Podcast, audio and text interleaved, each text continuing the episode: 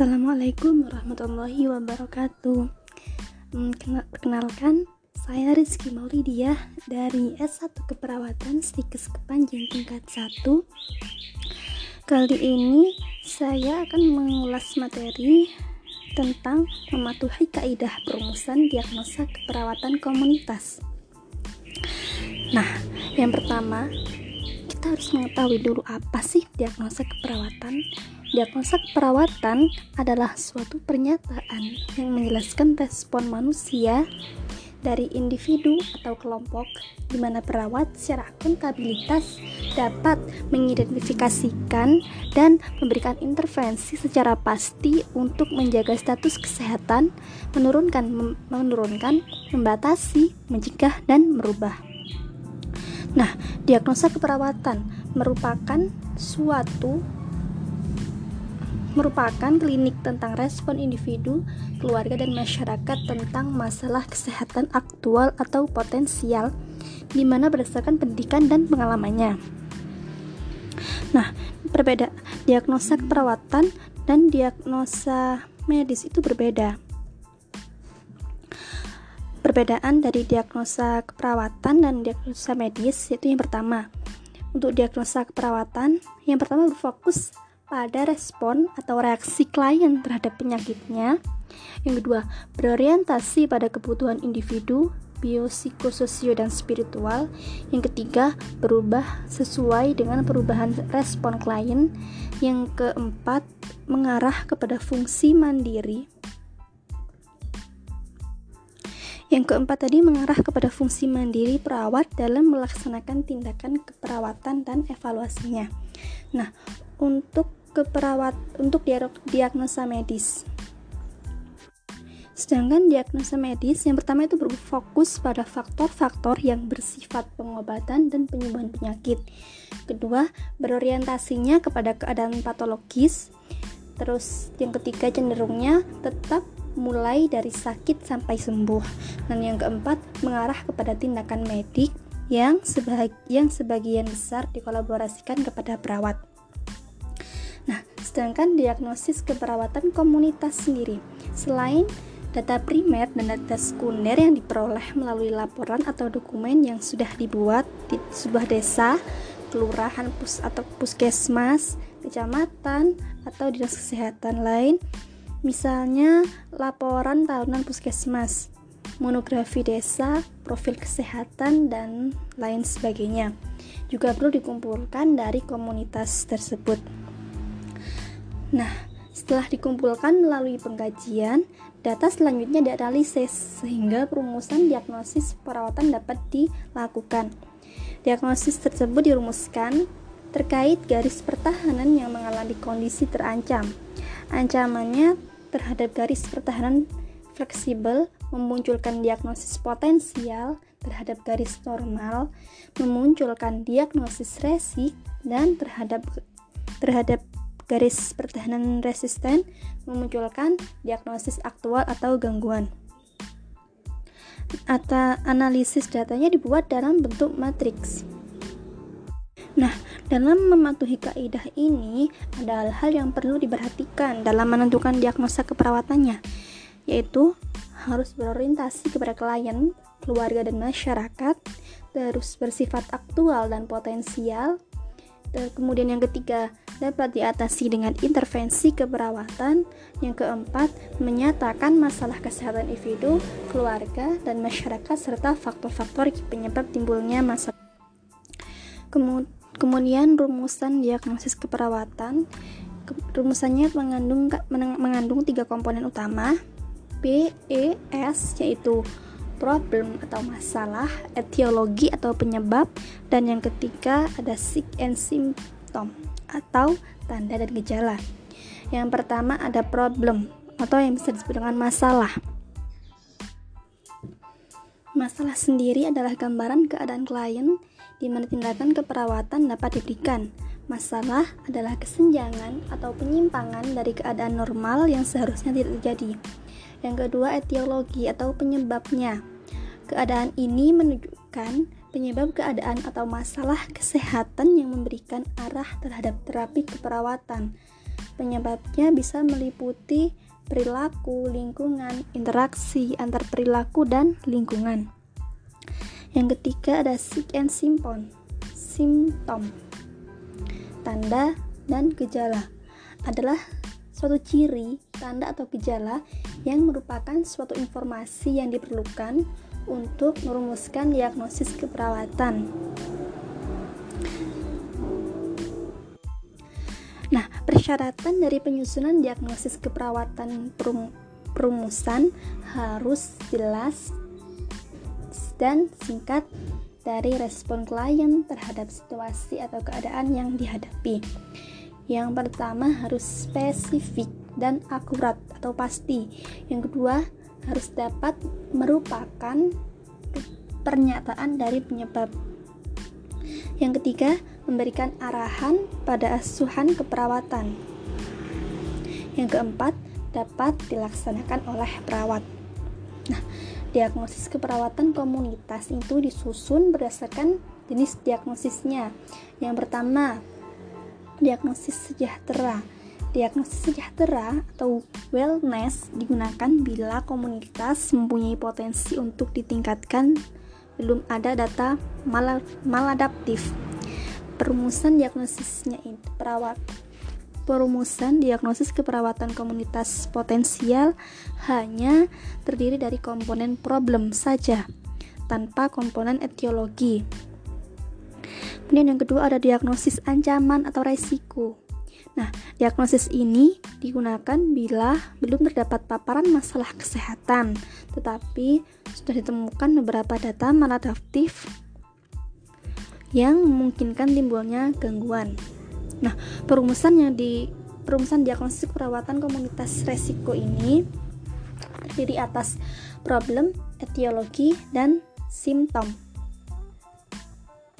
Contohnya, contoh dari diagnosis resiko yaitu resiko terjadinya konflik psikologis pada warga RT 5 RW 1 Desa X Kecamatan A yang berhubungan dengan coping masyarakat yang tidak efektif ditandai dengan pernah terjadi perkelahian antar RT, kegiatan gotong royong dan silaturahmi rutin RW yang dilakukan yang jarang dilakukan. Nah, penyuluhan kesehatan terkait kesehatan jiwa juga belum pernah dilakukan. Terus masyarakatnya juga sering berkumpul dengan melakukan kegiatan yang tidak positif seperti halnya berjudi. Nah, yang ketiga ada diagnosis aktual atau gangguan. Diagnosis gangguan ini ditegakkan bila sudah timbul gangguan atau masalah kesehatan di komunitas yang didukung oleh beberapa data maladaptif. Nah, perumusan diagnosis keperawatan komunitas aktual ini terdiri atas problem, etiologi, dan simpon sim. Contohnya dari diagnosis aktual ini, gangguan atau masalah kesehatan reproduksi pada agregat remaja yang berhubungan dengan kurangnya kebiasaan hygiene personal.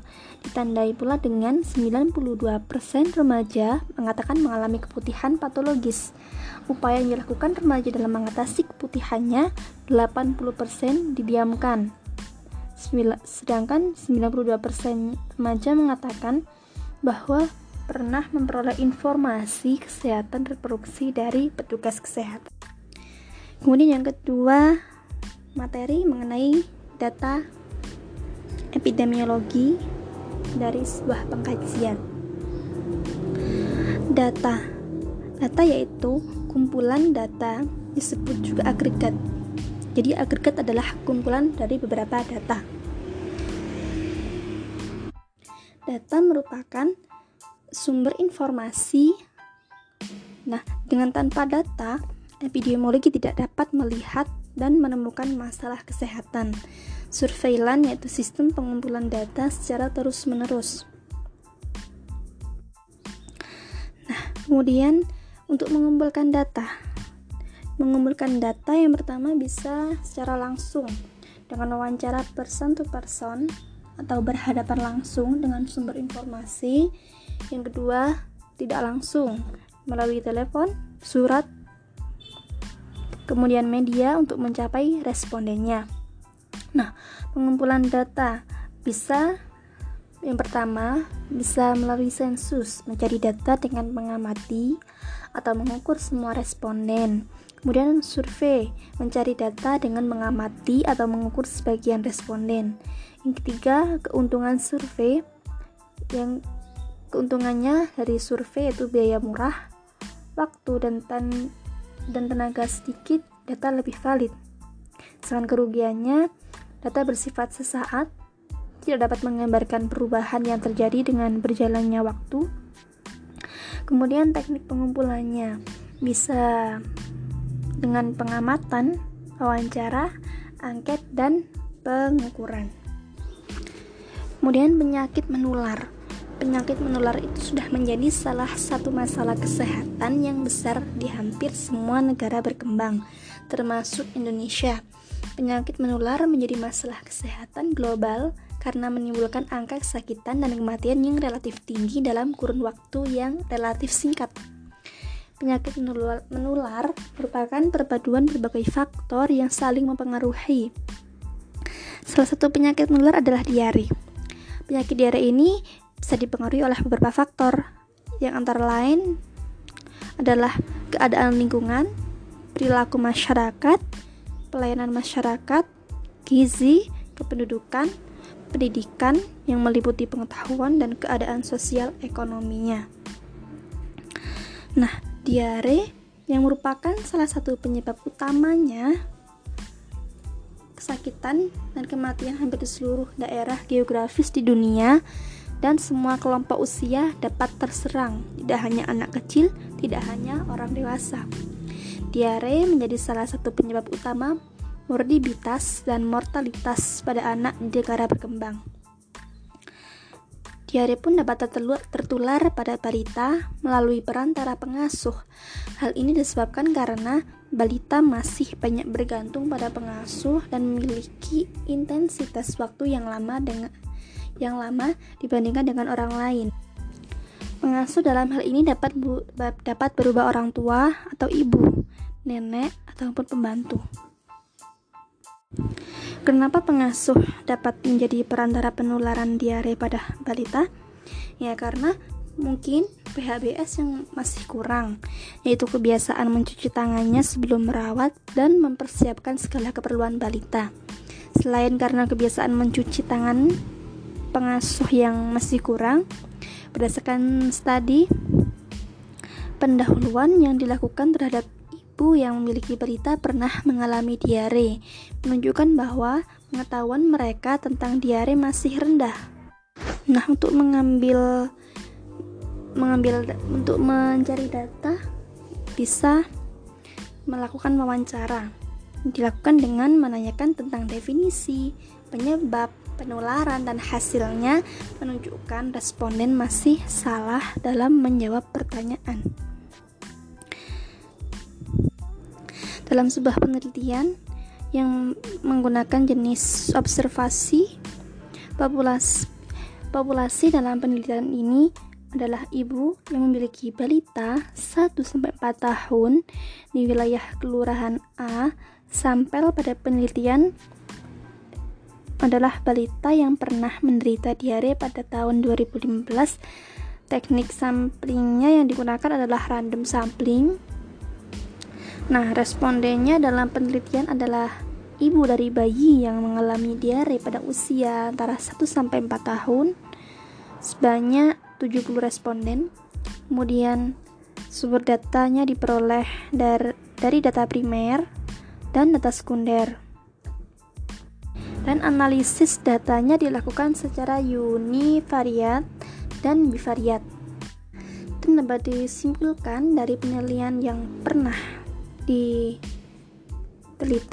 adalah hubungan yang pertama hubungan ada hubungan antara pengetahuan pengasuh dengan kejadian diare pada balita di kelurahan A Kemudian ada hubungannya antara kebiasaan cuci tangan pengasuh setelah buang air besar dengan kejadian diare pada balita di kelurahan A. Yang ketiga ada hubungan antara kebiasaan mencuci tangan, pengasuh sebelum menyiapkan alat makan dengan kejadian diare pada balita di kelurahan A.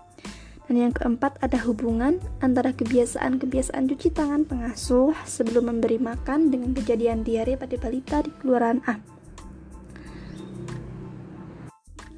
Jadi kesimpulannya untuk um, untuk me memperoleh data untuk sebuah diagnosa keperawatan, kita harus melakukan berbagai cara. Harus memilih dulu cara mana kira-kira yang bisa digunakan dalam kasus yang akan kita ambil. Bisa melalui pengamatan, wawancara, angket, atau pengukuran. Untuk um, untuk wawancara bisa kita langsung langsung tetap muka dengan respondennya. Bisa pula melakukan tidak tidak langsung yaitu dengan dengan bantuan media lain seperti halnya telepon, surat atau media lainnya yang bisa mencapai responden. Kemudian simpulan dari materi yang pertama tentang mematuhi kaidah perumusan yaitu dalam dalam rumusan diagnosis keperawatan ada tiga komponen. Ada problem atau masalah, etiologi atau penyebab, dan yang ketiga ada simptom, tanda dan gejala. Sekian dari saya. Bila ada kurangnya, saya mohon maaf yang sebesar-besarnya. Khairul kalam. Assalamualaikum warahmatullahi wabarakatuh.